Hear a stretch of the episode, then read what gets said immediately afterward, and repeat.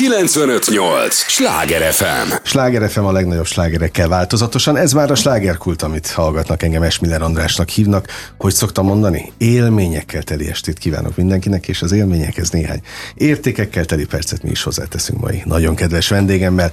Tudják, ez az a műsor, amelyben a helyi élettel foglalkozó, de mindannyiunkat érdeklő és érintő témákat boncolgatjuk a helyi életre hatással bíró példaértékű emberekkel. És a mai nagyon kedves vendégemet azért fogják szeretni, mert mindazt, ami képvisel, rendkívül izgalmas, rendkívül különleges is, és ahogy én vártam őt, és azon gondolkodtam, hogy itt tulajdonképpen az értékmentés, az értékőrzés, mint egy híd építő szerepe is, az tulajdonképpen rá elmondható.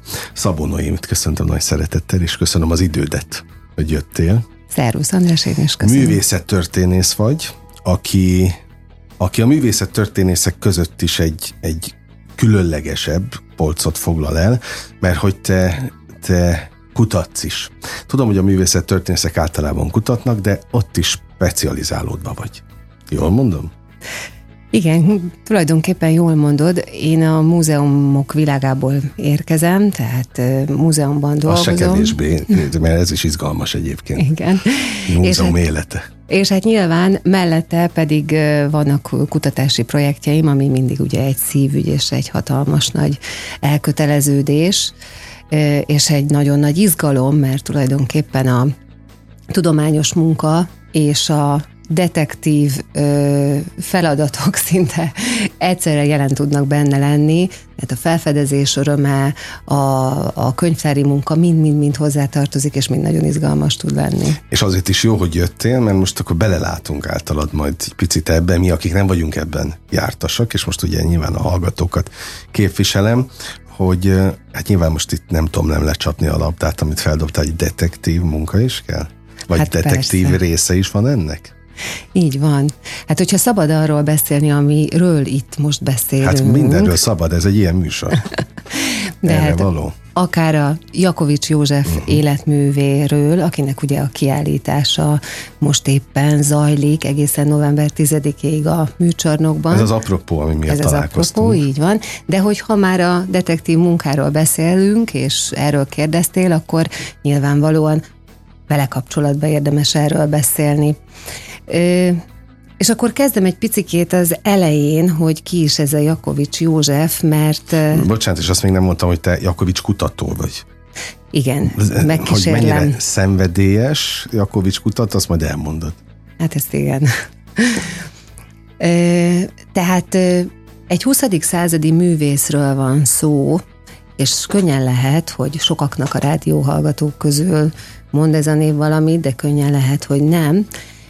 Éppen ezért foglalnám össze talán annyiban, hogy egy igazán regényes és regényes fordulatokkal teli élet, alkotói sors, az ő sorsa, egy tipikus 20. századi művész sors, ami itt Közép-Európában bontakozott ki, majd aztán került el ugye a világ másik felére Amerikában. Na most egy ilyen életmű, ami meg van tűzdelve háborúkkal, emigrációval, mindenféle politikai berendezkedés, berendezkedéssel, ez ugye rengeteg-rengeteg izgalmat jelent, művek eltűnnek, művek felbukkannak, mint ahogy ez történt egyébként a Jakovics József esetében is. És akkor csak egy minimális életrajzi összefoglaló. Örülök neki a, a kevény, kevésbé regényes fordulatokat megpróbálom mellőzni. Hát miért mondom azt, hogy egy, egy 20. vagy egy tipikus 20. századi sors? Megszületik ez a bizonyos Jakovics József a század elején, az 1900-es évek ö, legelején, és érdeklődik a művészet iránt, elkezd maga is rajzolgatni, de hát ugye az első világháború utáni gazdasági időszakban eleve az ő családi hátterével inkább a munkás élet felé kacsingat, tehát dolgozik, ő magát is melós művésznek tartja, bejár különböző művészeknek a műtermébe, ott megpróbál felcsipegetni, felszedni valamit, soha nem jár képzőművészeti főiskolára, uh-huh. nem vesz részt az intézményes oktatásban. És ha már a regényességnél tartunk, mi a legenda, mi a valóság, például ez is a kutatásomnak az egyik célja, hogy ezt sikerüljön kideríteni, hogy például a második világháborúban mind a katonai besorozást, mind egyéb dolgokat úgy ússza meg, hogy bolonnak tetteti uh-huh. magát. De nem csak szimplán e, bolonnak tetteti magát, mert az, mert nem volt az, hanem kitanulja, hogy utána néz, utána olvas, hogy hogyan kell bolondnak tetetnie magát. Így van, és megúszta a második világháborút. És aztán ugye jönnek a, a szovjetek, elkergetik a németeket, stb. stb. Jakovics alig találja a helyét ebben a nagy felfordulásban, de hát aztán mivel bal oldali elköteleződésű művészről van szó, mégiscsak ugye ö, valahol megtalálja a helyét ott 45 körül, és megbízzák egy művésztelep alapításával. És innen indul ugye egy, egy még izgalmasabb művészeti karrier, egy még izgalmasabb művészeti út, ahol kialakít magának ugye egy olyan szobrászi formanyelvet, amely egyébként a magyarországi tradicionális szobrászat, vagy klasszikus alapokon nyugvó szobrászatól meglehetősen távol áll, uh-huh. meglehetősen öntörvényű, meglehetősen autonóm. Szabad ne feled, kérlek, amikor én készültem a veled való beszélgetésre, én ugye ennek utána olvastam, az ő életének is, és pont ezt akartam tőled a, a szakértőtől kérdezni, hogy mennyire volt ő lázadó, mennyire lázadt a maga módján minden ízében szerintem egy lázadó Ugye, tehát nekem is ez jött át volt, az igen. összes, minden soron, amit csak ö, olvastam vele kapcsolatban, de ez átok vagy áldás szerinted az összképet tekintve, a munkásságát? Tulajdonképpen, ha az életművet végig tekintjük, akkor valahol áldás, mert egy ilyen ö, színes, sokrétű, ö, heterogén életművet csak egy ilyen öntörvényű hozzáállással lehet megalkodni. Tehát az, ő sosem állt be a sorba. Sosem állt be a sorba. Az, hogy átok, az is igaz. Hiszen azért mégiscsak gondoljunk bele. Nem tudott az adott korban ő elismert művész uh-huh. lenni. Amikor 1949-től a Fordulat tévétől 56-ig nem állíthatott ki, hiszen uh-huh. ez a politikai kurzus ezt nem engedte. Majd utána azért nem állíthatott ki, mert hiába engedte volna már a politikai kurzus, ő annyira öntörvényű volt a saját erotikus, politikai kritikus műveivel, hogy azért nem lehetett ö, tulajdonképpen sikereket elérnie. Belefáradt mindebbe nyilvánvalóan, és elment Amerikába 1965-be. Az emigrációt választotta azt az utat, amikor próbáljunk szerencsét. És ez a történet is, bár sikeres volt, hiszen fantasztikus festői ö, másodvirágzást hozott el az ő életében ez, de ö, valójában Amerika nem fedezte föl, nem lett ott egy sikeres művész, nem lett ott egy befutott művész, holott a művei alapján akár még be is tagozódhatott volna ott a, az Amerikában éppen akkor robbanásszerű ö, popárt ö, világába. És aztán hazajött, és talán az élete alkonyán ö, már idős korában, 80 éves kora környékén jutott osztályrészéül az, hogy felismerte az új generáció az ő, az ő tehetségét és az öntörvényűségében rejlő áldást. Mi volt az, amiben te beleszerettél vele kapcsolatban? Tehát miért lesz valaki az ő életének a kutatója? Művészettörténészként. Ez egy komplex dolog, az az igazság, hogy már régóta, lassan egy évtizede foglalkozom a vészkel, amelynek része volt Jakovics József is. Ez egy nagyon tág művészkör, és tulajdonképpen a 20. századi magyar művészet krémje, az avantgárd szellemiségű művészek egy speciális köre, aminek oszlopos tagja volt Jakovics József, és talán úgy érezhetjük, hogy rá, az ő munkásságára talán kevesebb figyelem irányult az elmúlt évtizedekben, mint a többiekre. Mm. Mondok itt olyan példákat, mint Országlili, Bálint uh-huh. Endre, Vajda Lajos, ő egy kicsit korábbi generációból, Vajda Júlia, és még hosszan lehetne folytatni a sort. És mindazok a nagy csapongások, amik Jakovics művészetét jellemzik, abban én valahol egy mintázatot is, mintha föl mernék ismerni, egy olyan mintázatot, ami egyébként tényleg a ö, sorsban rejlő kor dokumentum. Befutott ő valaha igazán? Tehát az az igazi áttörés az megvolt neki, mert én nem tudtam eldönteni. Ezt talán nem mondanám ki ilyen egyértelműen, sem azt, hogy igen, sem azt, hogy nem, de... De az állandó küzdelem jellemezte ilyen szempontból az egész életét. Ez így van. És én pont, ahogy olvastam uh, róla, valahogy az sejlett fel bennem, hogy lehet, hogy ezzel a nagy uh, gőgével, talán még ezt is mondhatom, vagy öntörvényűségével, lehet, hogy ezt a, ezt a csalódottságot akarta valahol leplezni. Hogy nagyon csalódott volt, hogy nem futotta be azt a pályát, amit igazán szeretett volna. Ebben teljesen igazad van, biztos, hogy csalódott volt. Erről egyébként a saját levelei is tanúskodnak. Sok minden ö, küzdelem volt ő az, az ő életében. Tehát ö, egyrészt küldött a, küzdött a saját identitásának a meghatározásával. Hosszú-hosszú évtizedeken keresztül. Ki vagyok én? Uh-huh. És ö, valamikor a 80-as években hozott létre egy szobrokból és festményből álló tulajdonképpen installatív művet, minek az volt a címe, az a címe mai napig, hogy vagyok, aki vagyok. Ez az életmű lezárása volt, ez az utolsó alkotás, és valószínűleg ez is egy út, hogy az a azt nem mondom, hogy görcsös identitáskeresés, de mindenképpen ez egy fontos kérdés volt a számára, hogy ki ő valójában, valahol miután hazajött Amerikából, meglelte a választ, és fölmutatta ebbe az oltárszerű műtárban uh-huh. azt, hogy ez vagyok én.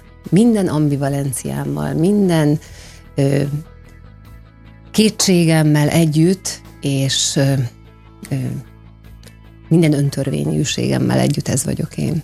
Ugye a mostani kiállításnak, amelynek kapcsolatban most beszélgetünk, nem te vagy a kurátora, hanem Rockenbauer Zoltán, de mégiscsak van hozzá között, mint mindenhez, ami, ami Jakovicsal kapcsolatos.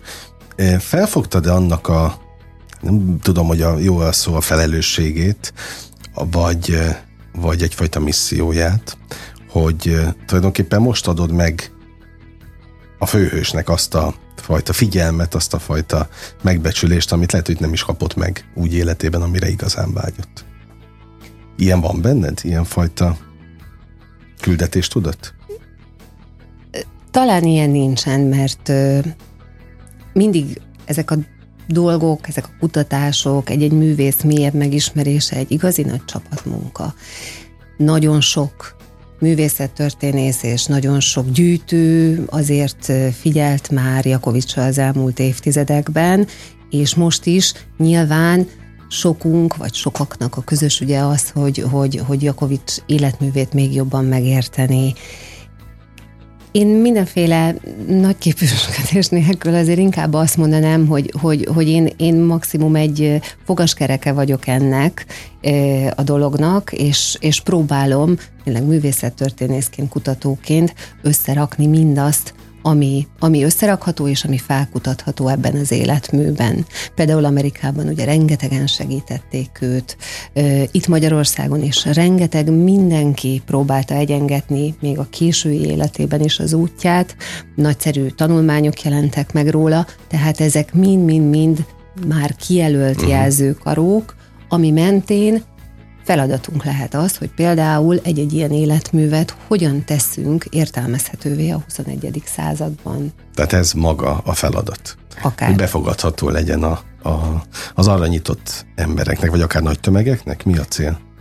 Mindig az a cél. Aha, jó, hát akkor, akkor ez. Mivel másabb ez a mostani kiállítás? Vagy mivel különlegesebb? Ugye ez a kiállítás ö, csak a festészeti anyagáról szól. Uh-huh Jakovics egész életműve, művészi munkássága két nagy részre osztható. Az első indult a 30-as évek második felében és tartott 65-ig. Ezt alapvetően szobrászati munkák jellemezték, tehát ő alapvetően szobrász volt. volt. az első nagy magyarországi etap. Ez volt az első nagy magyarországi etap. Hihetetlenül izgalmas az, ahogyan az expresszív ö, absztraháló formakezeléstől egészen kísérleti művekig, plexi alkotásokig, függesztett drót ö, alkotásokig jutott el. Tehát ez volt az első etap, és a nagy cezúra az emigráció Amerikában, ahol ugye roppantul prózai okok miatt kezdett el festeni gondoljunk bele, tehát ö, alig volt anyagi uh-huh. ö, javai, ami a megélés is nehéz volt számára, hát még a szobrászati munka, uh-huh. ugye, amihez anyag kell, igen, amihez igen, hely kell, amihez ö, sok minden készség kell, ö, viszont a festészet ilyen szempontból olcsóbb, kevesebb helyet foglal, uh-huh. és ö, adta magát... gyorsan termel, ha így van. Ügyesen el tudja adni. Igen és, és adta magát a lehetőség, és ezzel párhuzamosan ugye egy felismerés, ami szintén az identitásával van kapcsolatban, az a zsidó, a Héber, ABC és a Héber misztika, a kabala és a tóra elmélyült megismerése volt, ami ráébresztette őt arra, hogy, hogy jelek segítségével, betűk, vagy ugye itt a Héber ABC esetében kvadrátok segítségével hogyan lehet egy fantasztikusan erős, szimbolikus nyelvet kialakítani. Uh-huh. Sláger FM a legnagyobb slágerekkel változatosan. Örülök, hogy itt vannak Szabó Noéminek is nagyon örülök. Művészettörténész, és hát szenvedélyes Jakovics kutató, mondhatom? Vagy ezt csak én találtam ki, hogy szenvedélyes? Bocsánat. Kicsit elvittek a, a költői túlzásaim, de szerintem ezt szenvedély nélkül nem lehetne csinálni. Igen. Ehhez a, ehhez a munkához, ehhez a feladathoz nyilván rengeteg szenvedélyre is szükség van, ugyanakkor rengeteg higgadságra is. Tehát De még mindig nem tudom, hogy hogyan nyomoztok. Az még mindig nincs meg. Igen, én vagyok a ö, hibás, hiszen elkanyarintottam a beszélgetést ö, és, a, és a nyomozás. Az igazság az, hogy én még jelen pillanatban a nyomozás ö, előtti fázisban vagyok, rengeteg út és lehetőség nyíl, nyílik arra, most az előzetes felméréseim szerint, hogy milyen irányba lehet esetleg új műveket találni. A legizgalmasabb az mindig ez. Új műveket találni, fölfedezni, megtalálni, és először rámutatni, hogy ez az. Van szerencsém, a saját praxisomban ezt már jó párszor átéltem, és tényleg ehhez szenvedély és figyelem egyszerre szükséges. Jakovics esetében még nem tartok itt. Gondolhatok olyanra, vagy, vagy egyáltalán belefér az, vagy beleférhet, az megtörténhet, hogy valamelyikünk otthonában, padlásán, itt-ott, ott van Jakovics mű, de nem tudunk róla, hogy az. Tehát ez elképzelhető? Hogyne. Mondhatnám azt, hogy szinte biztos általában nem tudják, hogy, hogy milyen műkincsek vannak otthon? Rengeteg... Ö... Amit nyel, a persze lehet, hogy örököltek, lehet, hogy valakitől kaptak ajándékba, vagy hagyatékból való. Így van, rengeteg tulajdonos tudja azt, hogy mi van nála, főleg aki érdeklődik is iránta, tehát aki műgyűjtő vagy műgyűjtő érdeklődéssel rendelkezik, réteg. ez egy másik dolog. Ö, ha elmesélhetek egy történetet, ami hát, nem egészen Jakovicshoz tartozik, de ugye Jakovics közeli művészköréhez tartozik. Ö, rendeztem egy kiállítást 2018-ban Vajda Lajos életművéből, és ez egy viszonylag jól feldolgozott, de azért sok fehér foltot tartalmazó életmű, és a kiállítás során ugye elérkezett az a pillanat, amikor beszállították a műveket, és én megláttam ugye ezt a rajzot, ami bekeretezve elérkezett hozzánk, öreg-öreg 70 éves keretben a munkák, vagy az az egy munka, amit ugye láttam, és jött egy isteni szikra, hogy bontsuk ki, csak azért bontsuk ki, és nézzük meg, mert úgyis rossz a keret, úgyis külön kell, tehát újra kell keretezni. És ahogy kibontottuk a művet, egyszer csak az egy műből kettő lett, és a hátlapból kiesett egy újabb vajdalajos rajz. De most... Na, tehát bármi tehát bármi, bármi előfordulhat, bármi megtörténhet. Aztán találtam így egy másik művész esetében, Barcsai Jenő esetében, egy rég elveszett kép, képnek megtaláltam a részletét. Maga a művész vágta föl, használta föl újra a vásznat, és amikor az ember megfordította a vásznat, akkor hopp, ott volt a keresett képnek hm. az egyik részlete. Tehát számtalan dolog előfordulhat, számtalan konstellációba bukkanhatnak föl művek. Izgalmas a te hivatásod akárhogy nézzük, nem csak szenvedés, de, de izgalmas is. Hova megyünk a kiállításra, mert azt nem biztos, hogy elmondtuk. Így van. A műcsarnokban van a Jakovics József a Teremtés ereje című kiállítása, remélem jól mondtam a címet, és november 10-ig látható a Műcsarnok Kamara termében. Mit tapasztalsz, hogy hogy állunk mi egyáltalán nyitottsággal a fővárosban? A művészet e, iránt? Igen, tehát hogy most a kiállítások látogatottsága mit, mit jelez? Dinamikusan Szerint... növekszik? Azt, azt nem merném mondani, hogy dinamikusan növekszik. Megváltozott nyilván a befogadói struktúra, tehát én azt látom a saját praxisomban is, hogy, hogy az emberek nagyon szeretik a programokat, nagyon szeretik azt, amikor vezetve vannak, és, és, és értő szakember elmondja, hogy pontosan mit is kell látni, pontosan mit is kell nézni. Egyébként pont a Jakovics kiállítás, bevallom őszintén, hogy talán nem egy könnyű kiállítás. De az mit jelent? A képek látványosak, színesek, uh-huh. ö, ö, tényleg plakátszerűek és popártosak, de közben a mögötte lévő tartalom és, a, és az a komplex szimbólumrendszer, amit ő közvetíteni kívánt ezekkel a képekkel, ahhoz bizony úgy érzem, hogy sok minden háttértudásra szükség van. Uh-huh.